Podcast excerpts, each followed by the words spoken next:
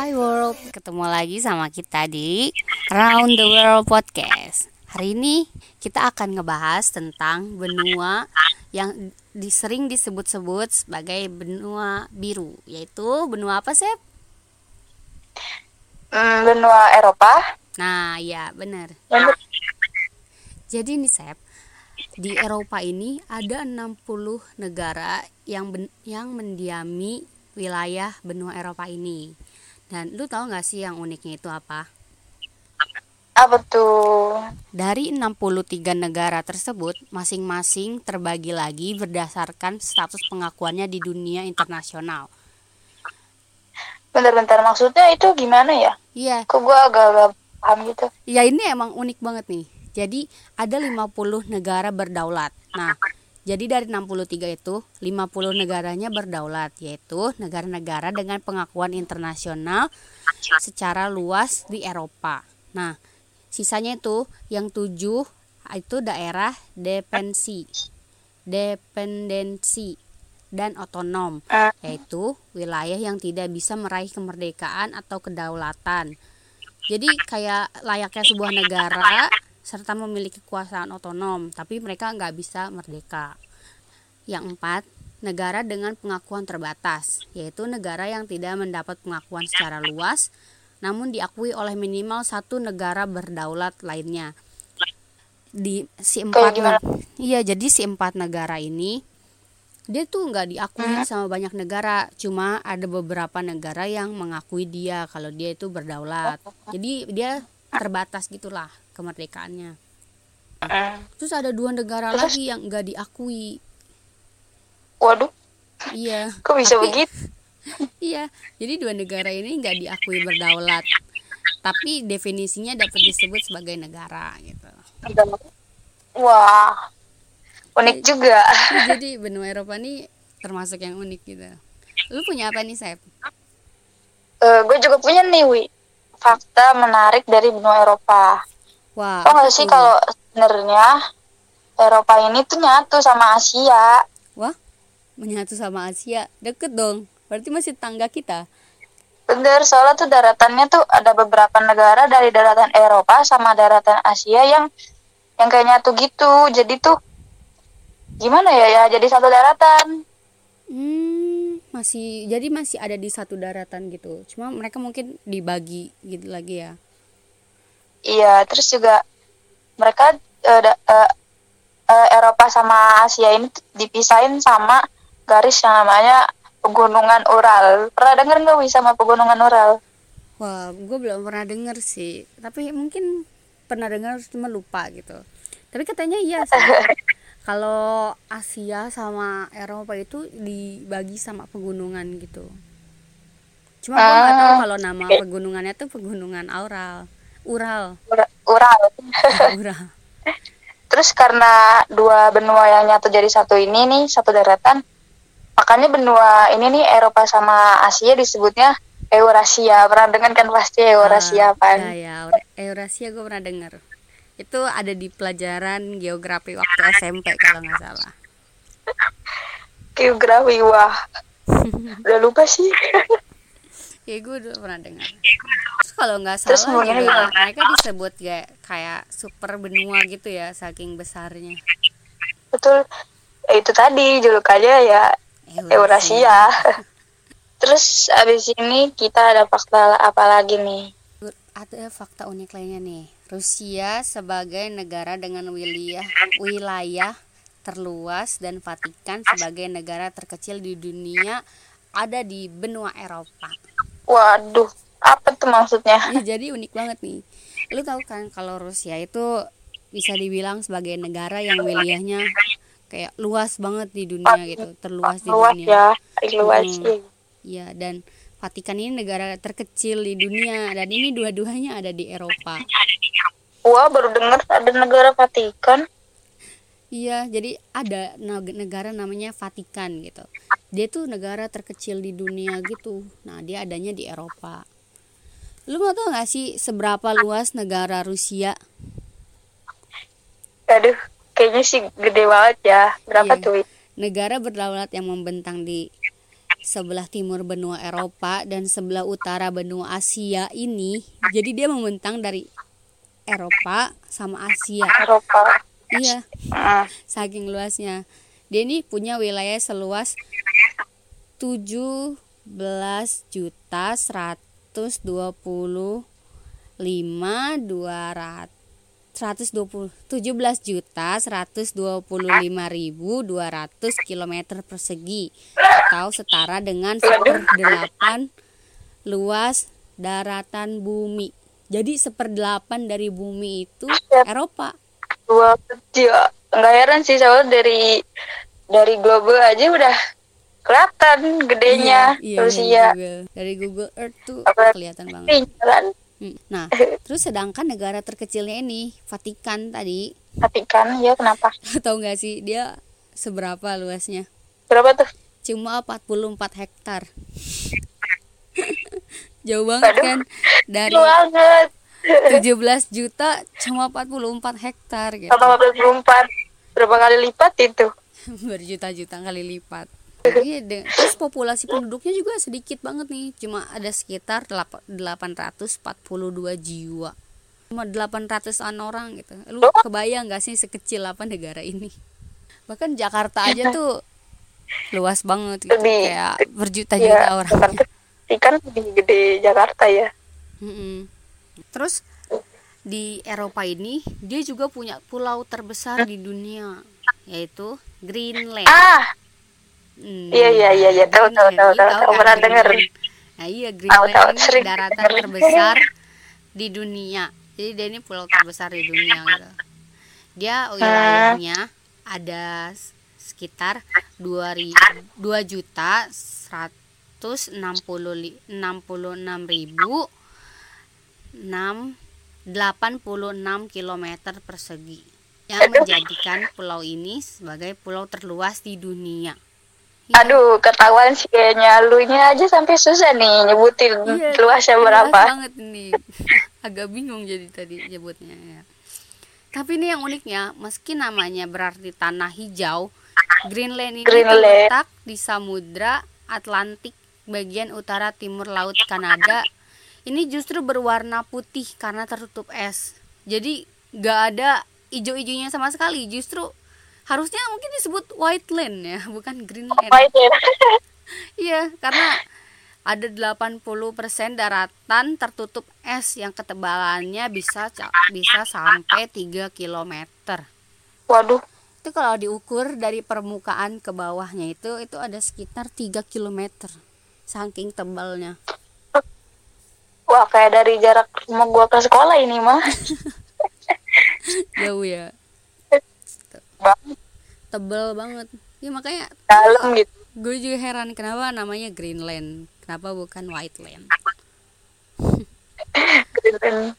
Ya, terus terus ada lagi nih kota unik yang ada di Eropa. Lo tahu Istanbul gak sih? Ah, tahu-tahu di Turki kan. Iya. Yang unik nih nih ya, Sep. Kota Istanbul ini ada di benua Eropa dan Asia. Maksudnya jadi dia di tengah-tengah gitu. Iya, jadi dia nih kota kotanya ini dia ada di antara benua Eropa sama Asia gitu. Kota yang dikenal pula dengan nama Konstantinopel atau kota Istanbul ini ternyata menjadi kota lintas benua. lintas benua karena dia ada di Eropa sama di Asia. Iya. Yang membentang melintas selat Bosporus di antara Laut Hitam dan Laut Marmara. Pusat sejarah dan perdagangan kota ini terletak di sisi Eropa, sedangkan sekitar sepertiga penduduknya tinggal di benua Asia. Waduh, jadi ini Iya, bisa disebut kota bingung gak ya? benar cocok tuh. Kota bingung, soalnya dia ada benar-benar di tengah di antara Eropa sama Asia gitu. Di pusat dagangnya di Eropa nih. Mm-mm. Terus penduduknya, tapi sebagian besar tinggalnya di Asia. Waduh, Iya, sepertiganya ada di Asia, terus sisanya itu ada di Eropa. mau belanja kita harus nyebrang dulu. Iya, belanjanya bisa nyebrang nih, nyebrang benua ya. Aduh, Nggak cuma nyebrang negara atau kota nih, tapi nyebrang benua. nyebrang berdua. Iya. Ya, jadi itu ada beberapa beberapa fakta yang ada di Eropa. Oke, ini tadi kita udah bahas beberapa fakta menarik di benua Eropa nih. Sekarang lu punya apa, Sep? Nah, lanjut kalau kita ke Eropa kan pasti nggak lupa sama yang namanya jalan-jalan kan ya. Ah, iya, Gue harus punya- banget tuh. Soalnya kan Eropa tuh cantik banget. Betul, betul, betul banget. Apalagi tuh dia tuh apa ya negara romantis gitu kan. Ah iya, banyak negara romantis yang ada di Eropa. Tapi kayaknya kalau Nah, bahasa nih. itu semua orang udah tahu. Lu punya yang lain gak nih? Ini gue mau kasih lu ada destinasi wisata yang kalau lu ke Eropa ke Eropa Utara tuh lu harus banget ke situ tuh. Wah, ada apa aja nih? Nah, yang pertama nih ada Blue Lagoon di Islandia. Uh, Blue Lagoon. Kayaknya seru tuh Blue Lagoon. Pasti air-air ya? Iya betul. Karena di tempat ini nih apa ya airnya di Blue Lagoon ini tuh dia warnanya biru susu susu gitu loh. Unik banget kan? Hah? Biru susu. Lucu banget dong pasti itu warnanya. Iya, jadi tuh airnya kayak air mineral. Tapi itu kabarnya sih katanya dampaknya positif buat kesehatan tubuh, terus juga bisa buat nenangin jiwa sama raga. Iya. Gila. sih. Iya sih warnanya juga uh, cakep banget ya. Pasti kalau berenang di situ tuh bakalan nge-refresh otak gitu ya buat healing. Otak ya, refreshing. Buat yang kalau lagi stres juga bisa nih jalan-jalan ke sini. Oh, tapi di Blue Lagoonnya ada fasilitasnya nggak? Nanti ke sana kita nggak bisa tidur. Ada dong pastinya ya kali. Secara kan dia udah terkenal di sana. Mm-mm. Jadi di Blue Lagoon ini tuh ada hotel sama restoran yang nyajiin makanan khas sana nih, khas Islandia. Uh, Terus juga for your information, tiket masuk ke Blue Lagoon ini mulai dari 55 dolar Amerika Serikat atau kalau dirupiahin jadi 775 ribu nih kurang lebih. wah buat tempat wisata di luar negeri yang lumayan bagus gitu, itu nggak terlalu mahal lah ya. Worth it lah ya, worth Iya, it. worth it, worth it. Kan bi- biaya buat ke Islandianya juga pasti lebih mahal gitu ya. Jadi emang iya, iya, iya. harus siap budget gede buat ke sana gitu. Terus ada apa Siapa lagi tahu nanti kan kalian ada yang mau ke sana gitu, nabung dari sekarang. Iya, itu ingetin ya, 775 ribu. Lebihin dikit lah, jadi 800 satu orang. Terus habis ada Blue Lagoon di Islandia, kita mau ke mana lagi nih? Ada apa lagi nih? Wah, gue punya nih destinasi yang gak kalah cantik kayak Blue, Lag- Blue Lagoon. Ada namanya Finnish Lakeland Finlandia. Jadi ada di Finlandia nih. Heeh, Ya, Finlandia. Finnish Lakeland adalah sebuah daerah di Islandia yang sesuai dengan namanya dipenuhi dengan danau berair jernih. Jadi air di danau ini nih jernih-jernih. Iya. Dan lu tahu gak sih ada berapa danau di sana? Ada berapa tuh, Wi? Banyak atau dikit nih? Iya, banyak banget. Jadi tuh ada Berapa sekitar.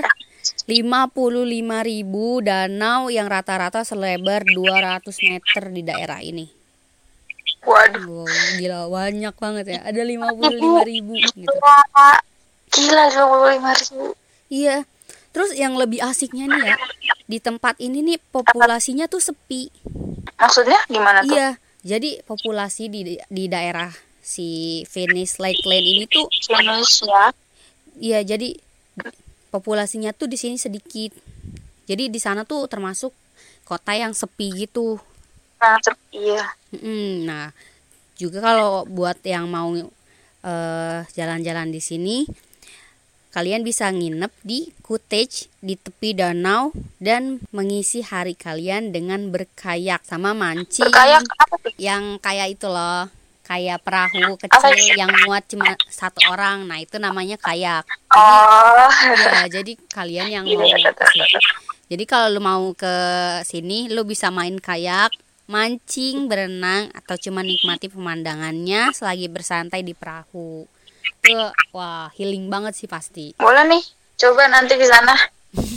Aduh, Ya, terus lu punya apa nih, Sep? habis dari Finlandia kita next ke Norwegia nih. Di Norwegia ini ada eh Norwegia ya.